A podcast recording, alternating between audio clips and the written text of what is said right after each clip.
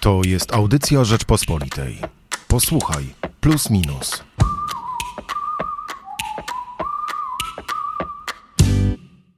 Unia Europejska jest coraz bardziej zdominowana przez jeden kraj Niemcy i trzeszczy od brudnych walk o władzę pod stołem. Jednak lepszej alternatywy geopolitycznej niż Unia nie ma. Aby to zrozumieć, rozważmy trzy różne scenariusze przyszłości, w których Polska z Unii wychodzi. To dobry eksperyment myślowy, pisze Grzegorz Lewicki. Dobry eksperyment, aby ostudzić niepotrzebne emocje dotyczące integracji europejskiej w Polsce, a także uświadomić unijnym elitom, że na polexicie straciliby wszyscy. Po czym te trzy scenariusze w najnowszym plusie minusie Grzegorz Lewicki oczywiście przedstawia. Polexit to nie jest żadne wyjście. Dajemy taki tytuł na okładce najnowszego magazynu Plus Minus, ale niech ten tytuł Państwa nie zmyli.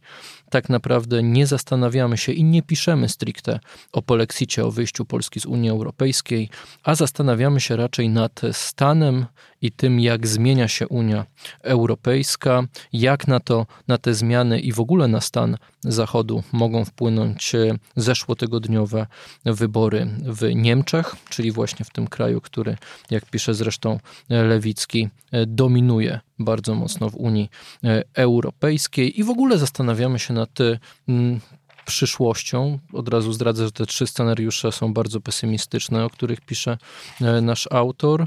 Nad przyszłością tego, co nas czeka w Europie, co czeka w ogóle europejską cywilizację. Bo to jest kontekst, w którym w ogóle powinniśmy rozmawiać o naszej przyszłości, o naszej e, tak naprawdę roli w Unii Europejskiej, naszej roli w kształtowaniu przyszłości tej mm, organizacji.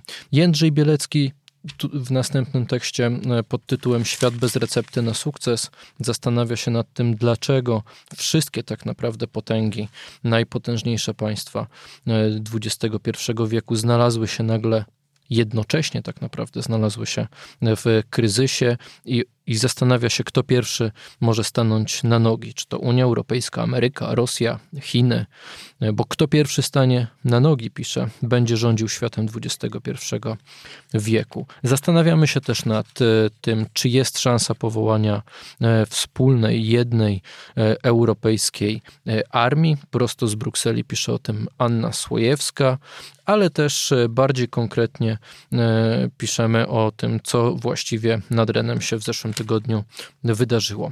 Ale nie tylko. Mamy kilka innych tematów w plusie minusie. Michał Kolanko przygląda się mm, temu, co tak naprawdę w Platformie Obywatelskiej już osiągnął i chce osiągnąć Donald Tusk. Bardzo Państwu polecam artykuł pod tytułem Trener personalny zwiera szyki. Trener personalny coach, to rzeczywiście są określenia, które same cisną się na usta, jak się patrzy na ten styl zarządzania e, partią, jaki przyjął na początku były e, premier. E, mamy trochę kultury, bo i zaczyna się festiwal Chopinowski. O tym na przykład w tekście Jac, Jacka Cieślaka w dziale, Jacka Marczyńskiego, przepraszam Państwa, w dziale kultury. I o tym też pisze bardzo zgrabnie i błyskotliwie Robert Mazurek w swoim felietonie pod ciekawym tytułem Marian, Marta i trzy pocałunki. E, ta Marta to myślę, że Państwo już się e, domyślają. Marta Argerich.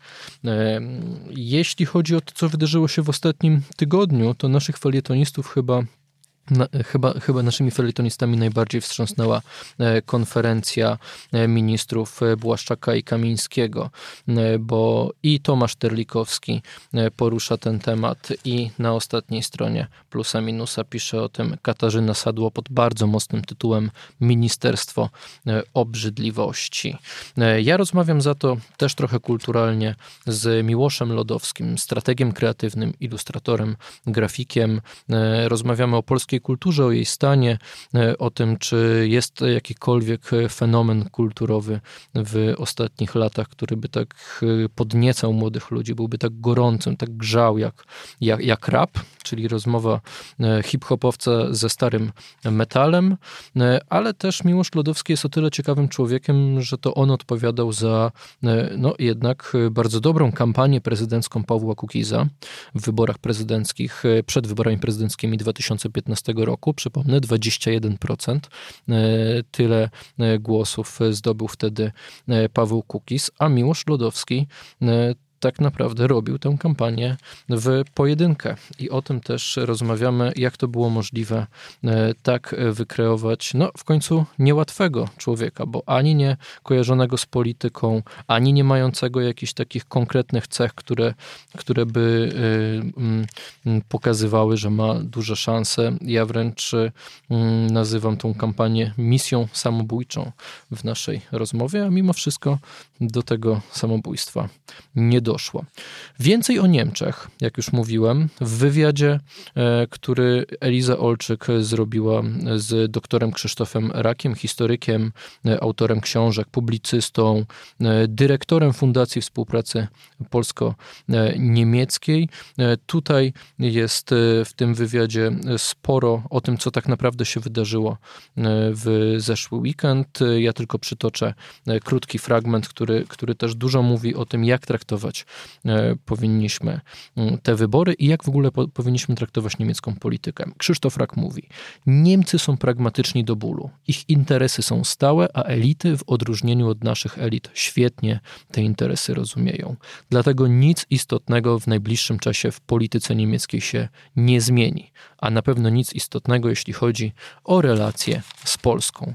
Ale więcej w najnowszym magazynie Plus Minus. A teraz jest ze mną e, Jerzy Haszczyński, szef działu zagranicznego Rzeczpospolitej i też autor magazynu Plus Minus. Dzień dobry. Dzień dobry. Panie Jerzy, Dużo ludzi się zastanawia, czy w ogóle te wybory w Niemczech to mają jakieś większe znaczenie, czy, czy nie wiem, świat się po nich zmieni, czy w ogóle Niemcy się zmienią. Pojawiają się takie głosy z jednej strony, że no, w sumie Niemcy znają swoje interesy, ich elity też rozumieją, jakie są interesy państwa e, niemieckiego, więc niezależnie kto będzie rządził, to z gruntu to będzie w gruncie rzeczy to będzie wyglądało bardzo podobnie, no a inni mówią, że jednak jest pewna zmiana, bo te dwie najważniejsze partie e, osiągnęły no, no historycznie niski wynik. Czy coś się zmieniło, czy jednak jest tak samo? Jest to bardzo ważne. W pewnym sensie trendsetter taki troszeczkę osobiały, działający powoli, ale jednak trendsetter.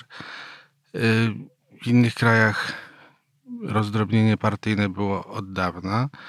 Mam na myśli państwa starej Europy, a w Niemczech ten proces teraz się wyjątkowo pokazał. To znaczy były tam dwie olbrzymie partie, które przez dekady zdobywały zdecydowaną większość głosów. Ta epoka się bezpowrotnie skończyła, co oznacza, że rządzić będzie trudniej, bo trzeba będzie dobierać więcej partii i uwzględniać ich głos, a czasami jest to głos zupełnie odmienny. Natomiast paradoksalnie w sprawach zagranicznych, bo rozumiem, że te głosy, że się nic nie zmieni albo niewiele się zmieni, to dotyczą polityki zagranicznej czy polityki bezpieczeństwa. No to gigantycznych zmian nie będzie. Niemcy nie wystąpią z Unii Europejskiej czy nie wystąpią z NATO. E, nie przerwą też bliskich więzi z Kremlem, ale korekty czasami znaczne mogą nastąpić. A jak to się wpisuje w trendy, które widać w polityce e, światowej? Jak to się wpisuje, nie wiem, na przykład w tak zwany public, przez wielu publicystów kryzys Zachodu? Kryzys Zachodu moim zdaniem ma kilka poziomów. Jeden z nich polega na tym, że Zachód się rozjeżdża, rozjeżdża się w znaczeniu transatlantyckim, to znaczy, że przywódca Zachodu E, Ameryka zaczyna realizować coraz bardziej to widać program e, odmienny od tego, który dobry byłby dla Europy. No i Niemcy być może będą musiały przede wszystkim odpowiedzieć na to pytanie, jak Europa z tym mniejszym zainteresowaniem Ameryki ma sobie poczynać. Czy cały czas ma myśleć, że jednak Ameryka jest dla nas tym głównym partnerem. Tak rządzi część partii, tak sądzi przede wszystkim partia, która pewnie nie będzie rządziła, czyli CDU-CSU. Czy też, skoro Amerykanie interesują się bardziej już innymi rejonami, są skupieni na konflikcie z Chinami, to możemy powinniśmy się zająć sobą. I dalej pytanie jest, jak bardzo powinniśmy się zająć sobą. Partie lewicowe chciałyby prawie wyłącznie się zajmować sobą, a w każdym razie ujmują to może inaczej, że, że sojusz z Ameryką trzeba utrzymać, ale z powiększeniem wymiaru europejskiego. Co to może znaczyć? Jak daleko to może być posunięte i czy to nie jest zagrożenie dla Europy Środkowo-Wschodniej postkomunistycznej? To pytanie wisi i będzie nad nami wisiało długo. Ale może dla Unii Europejskiej to jest dobre, że Niemcy wreszcie skoncentrują się bardziej na tym wymiarze wewnątrzeuropejskim. Nie wiem, na przykład na wspólnej, budowie wspólnej europejskiej armii? No, Niemcy cały czas są w znacznym stopniu państwem pacyfistycznym, znaczy społeczeństwo jest pacyfistyczne e, i troszeczkę się sami siebie boją. To znaczy, nie wiem, czy są bardzo zainteresowani tym, żeby e, udział armii niemieckiej odpowiadał znaczeniu gospodarki niemieckiej. Myślę, że sami mają z tym poważny problem. E, no dla nas pewnie też byłby to problem, gdyby Niemcy naprawdę ponosiły wydatki 2% PKB albo jeszcze więcej e, na armię. Z jednej strony to dobre, a z drugiej strony, biorąc pod uwagę różne kłopoty e, z ekstremistami, którzy co pewien czas są wyłapywani w Bundeswehrze czy w jakichś jednostkach specjalnych, no to trzeba się zastanowić, czy to jest najlepsze rozwiązanie, żeby Niemcy się coraz bardziej zbroiły i żeby wydawały jak najwięcej pieniędzy na, na armię. To jest jedna dygresja. A jeżeli chodzi w ogóle o armię europejską, to poza tym, co już, z czym już mamy do czynienia, czyli jakimiś y, wspólnymi e, niewielkimi jednostkami do działań ekspedycyjnych, działań poza, poza Unią, poza Europą w ogóle, no to trudno mi sobie wyobrazić żeby te państwa europejskie były takie skłonne, żeby przekazywać dowództwo jakimś innym e, generałom. To nawet związki zawodowe francuskie, czy niemieckie, czy polskie nie mają e, na celu pomagania robotnikom portugalskim czy greckim i nie myślą o ich interesach, a tam nie mamy do czynienia z bezpieczeństwem z, taką hierarchiczną ludzi, strukturą. A na dodatek bardzo dobrze, to, to kluczowa sprawa z hierarchiczną strukturą, z wydawaniem rozkazów. No skoro związki zawodowe jeszcze nie myślą w kategoriach europejskich, to, to obawiam się, że może ludzie armii też niekoniecznie muszą myśleć wyłącznie w kategoriach europejskich. I pojawia się problem, jak popłynie jakiś rozkaz, który nie jest zgodny z interesami państwa leżącego gdzieś tam na końcu Europy. Często pojawiało się w polskiej debacie takie sformułowanie, że e, można mówić o Merkel różne rzeczy, ale żaden kolejny kanclerz nie będzie e, tak wrażliwy na polskie e, sprawy, jak była Angela Merkel. Więc co to w ogóle oznacza dla Polski wyniki wyborów? Co to oznacza zmiana władzy? Co to oznacza powrót socjaldemokracji w Niemczech dla nas? Jeżeli to będzie powrót socjaldemokracji, wiele na to wskazuje, ale Hadecy chyba się jeszcze nie poddali, a najbardziej na niepoddających się wyglądają liberałowie z FDP, którzy chcą bardziej z przegranymi CDU-CSU tworzyć koalicję niż z SPD. Przynajmniej na razie tak wygląda. Także jeszcze bym nie...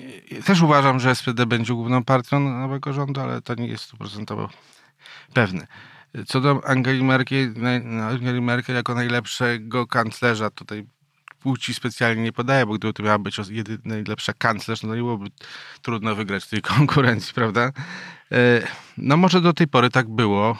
Po pierwsze, możemy porównywać tylko tych kanclerzy, którzy byli w czasach, kiedy Polska była wolnym państwem, nieuzależnionym od, od, od Moskwy, no to tych kanclerzy było na tyle niewiele, że nie, nie trudno w tej konkurencji wygrać. Ja nie umniejszam jej znaczenia, Natomiast twierdzenie, że nigdy nikt lepszy nie będzie, to jest jakieś samobójstwo polityczne. Zakładanie, że już nikt lepszy się Polsce czy jakiemukolwiek innemu krajowi nie przytrafi w Niemczech, no to nie jest dobre założenie. Tak polityki się prowadzić nie powinno. Tak nawet publicyści chyba nie powinni szturchać polityków, żeby krzyczeli, że już nigdy tak dobrze nie będzie. Płaczmy i uznajmy, że stosunki polsko-niemieckie, niezależnie od tego, kto będzie stał na czele rządu federalnego, mogą być tylko gorsze. No ja takiego założenia nie, nie chcę przyjąć.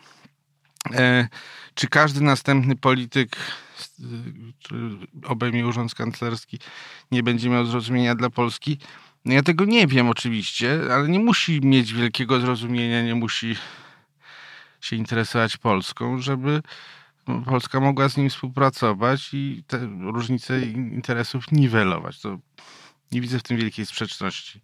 Może mieć na przykład zrozumienie dla niemiecko-polskich interesów wspólnych. No, to chyba prawie wszyscy będą mieli.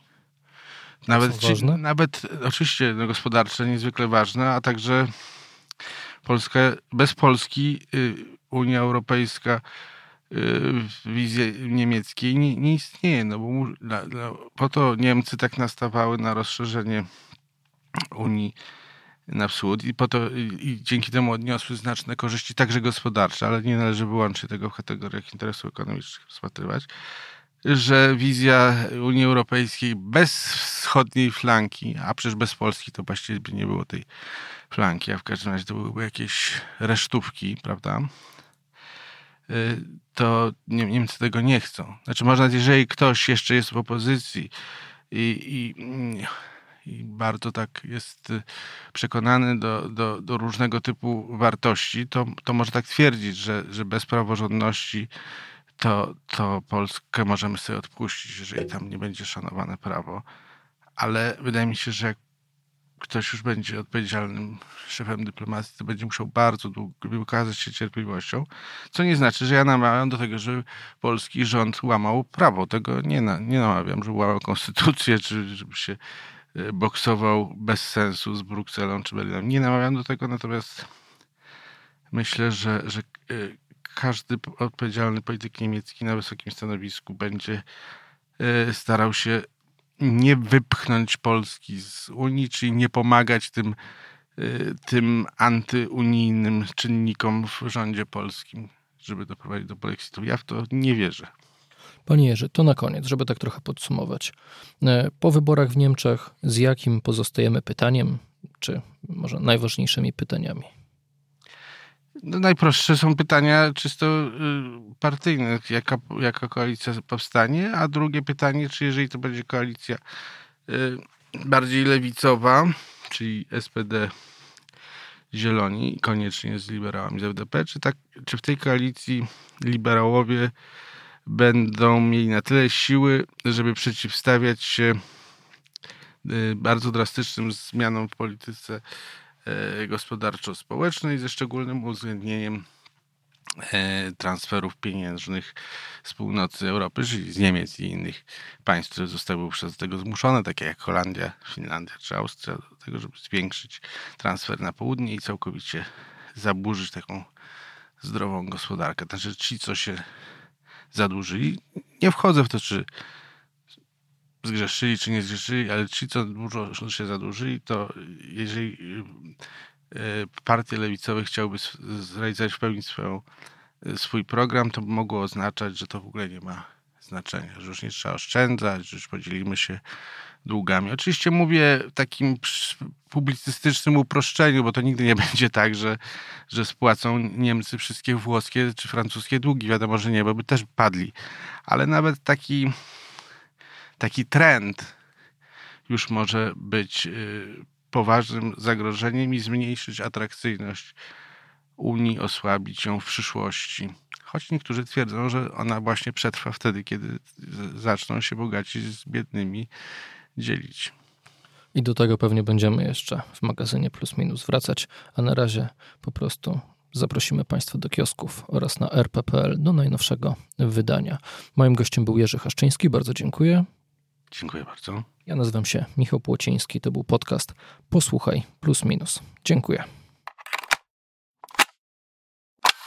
Słuchaj więcej na stronie podcasty.rp.pl. Szukaj Rzeczpospolita Audycje w serwisach streamingowych.